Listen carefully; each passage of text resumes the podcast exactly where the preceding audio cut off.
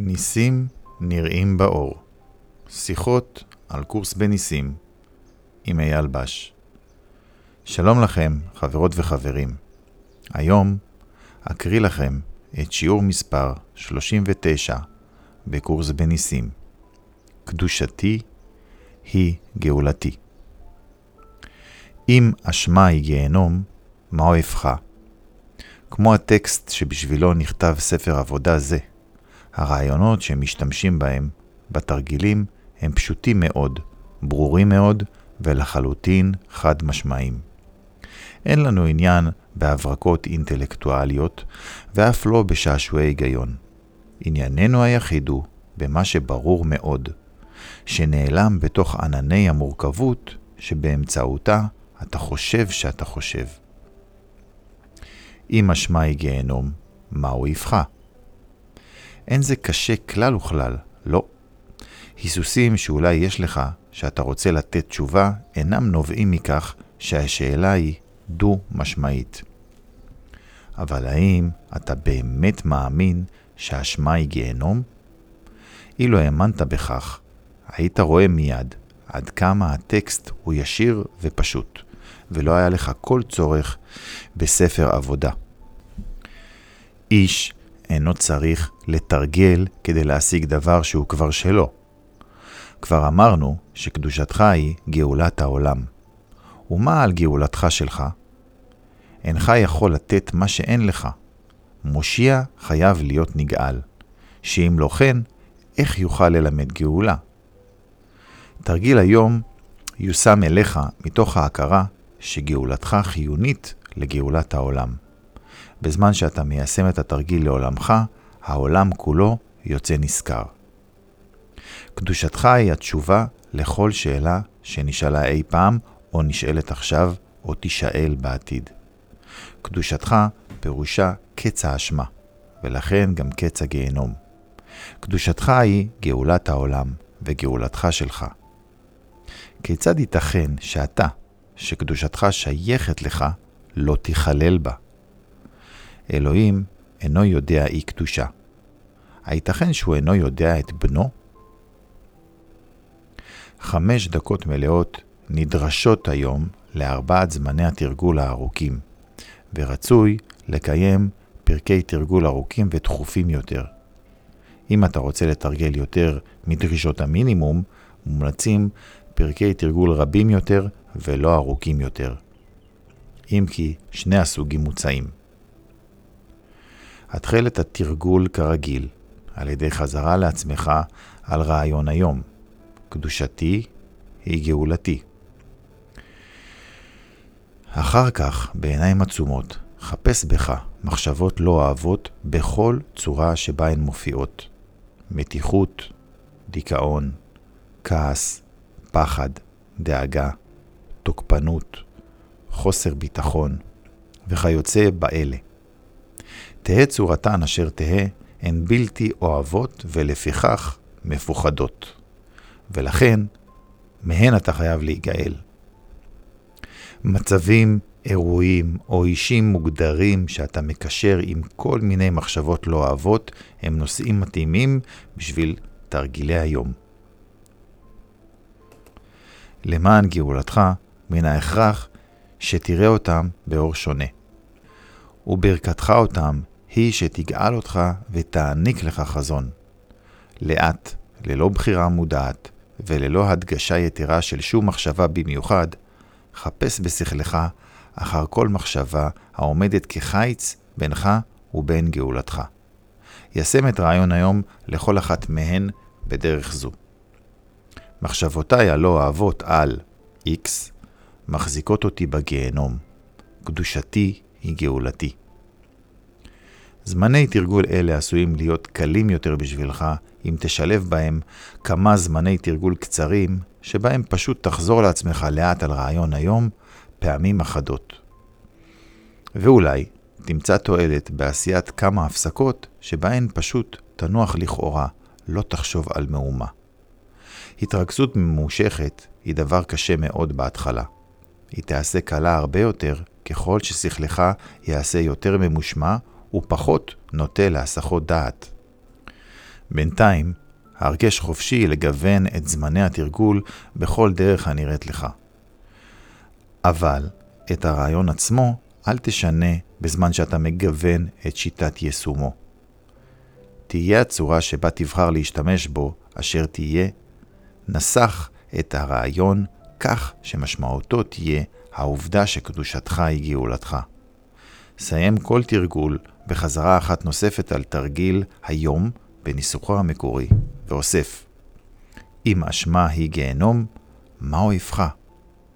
ביישומים הקצרים יותר, שיש לעשותם שלוש או ארבע פעמים בכל שעה, ואם אפשר גם יותר, אתה יכול לשאול את עצמך את השאלה הזאת, או לחזור על רעיון היום. ומוטב לעשות את שני הדברים. אם עולים פיתויים, הניסוח הבא של הרעיון מועיל במיוחד. קדושתי היא גאולתי מן הדבר הזה.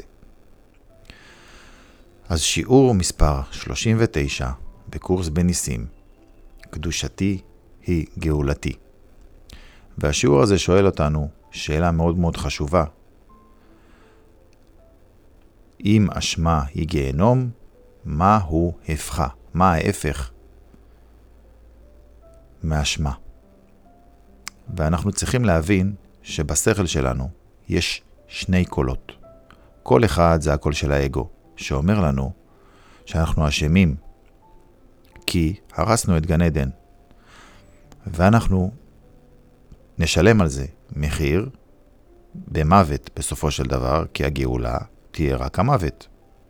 ואז אנחנו גם מאמינים שאנחנו מתים, תלוי מה עשינו בחיים כמובן, אבל אם עשינו מעשים טובים, אז יהיה לנו מקום בגן עדן, ואם לא, נלך לגיהנום. בזה אנחנו מאמינים, כי זו מערכת החשיבה של האשמה, של האגו. הקשבנו לאגו, וזה מה שהוא אמר לנו, וככה אנחנו חיים את החיים. קורס בניסים בא ואומר, בוא ונבדוק את מערכת החשיבה הזאתי, ונראה שהיא שקרית לחלוטין. זאת אשליה והזיה שאנחנו המצאנו, חלום רע, אז זו לא האמת. אז מה ההפך מהגיהנום? בטח תגידו, גן העדן. זה כמו לשאול מה ההפך מהאגו. מה התשובה תהיה? אהבה. כי האגו הוא היעדר אהבה, והוא פחד. והשכינה, שהיא בת כל האלוהים, מדברת איתנו על האהבה, על מה שאנחנו באמת.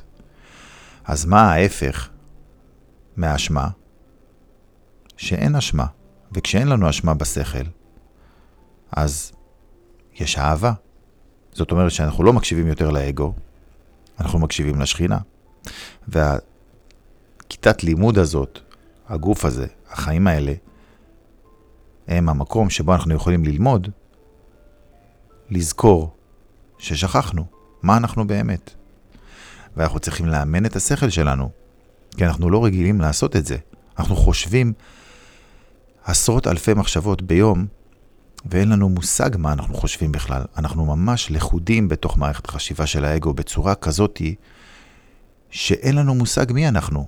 אפשר להגיד שלפעמים אנחנו ממש נגנבים, הדעת שלנו נגנבת לגמרי, ואנחנו עסוקים בסרטים ובמחשבות ובכל מיני דמיונות שווא שאין להם שום קשר למציאות. אנחנו בעצמנו הרבה מאוד פעמים חושבים מחשבות לא טובות על דברים שעלולים לקרות, ובסופו של דבר הם בכלל לא קורים.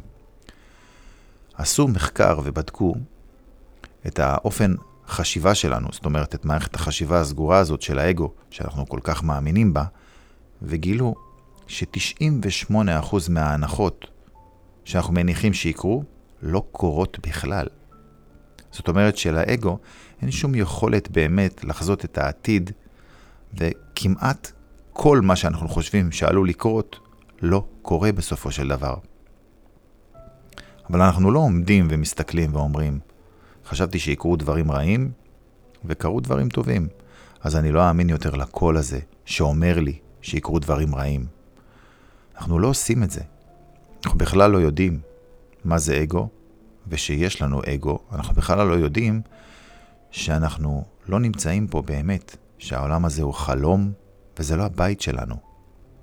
אנחנו בכלל לא יודעים שאנחנו לא נפרדנו מאלוהים, ולא משנה איזה חלום אנחנו חולמים, ולא משנה מה עשינו בחלום או מה עשו לנו, זה לא שינה את האחדות שלנו עם אלוהים. וזה גם לא יכול לשנות אותה. אז השיעור אומר שהקדושה שלנו היא בעצם הגאולה, לא האשמה. כי הקדושה היא בעצם מצב טבעי, האחדות שלנו עם אלוהים, זה מצב טבעי, ככה נוצרנו. אלוהים ברא אותנו באחדות, לא בגוף. ואין אשמה בשכל שלנו. יש רק אהבה. השיעור ממשיך ושואל שאלה מאוד מאוד חשובה, שאני רוצה להקריא לכם אותה. והיא הולכת כך: קדושתך פירושה קץ האשמה, ולכן גם קץ הגיהנום. קדושתך היא גאולת העולם, וגאולתך שלך. כיצד ייתכן שאתה, שקדושתך שייכת לך, לא תיכלל בה? אלוהים אינו יודע אי קדושה. הייתכן שהוא אינו יודע את בנו? אנחנו באמת חיים במצב שבו אנחנו לא יודעים את אלוהים, וכאילו אלוהים לא יודע אותנו, כי אנחנו לא רואים אותו, לא שומעים אותו, ולא חווים אותו פה. פה אנחנו חווים נפרדות ופחד כל הזמן. אבל האמת היא שבגלל שזה לא באמת אמיתי, זאת אשליה, זה חלום, אז האמת היא שהקדושה שלנו היא התשובה להכל, כי הקדושה מגלה לנו שאין באמת אשמה בשכל שלנו, יש רק אחדות ורק אהבה, ואז הכל נפתר. אנחנו סולחים לעצמנו על מה שלא באמת עשינו, כי לא עשינו שום דבר שיכול היה לשנות את מה שאנחנו, אז לא עשינו כלום. ואנחנו סולחים לעולם על מה שחשבנו שהוא עשה לנו, אבל גם העולם לא עשה לנו כלום, כי אנחנו המצאנו את העולם שאנחנו רואים. אלוהים לא ברא אותו.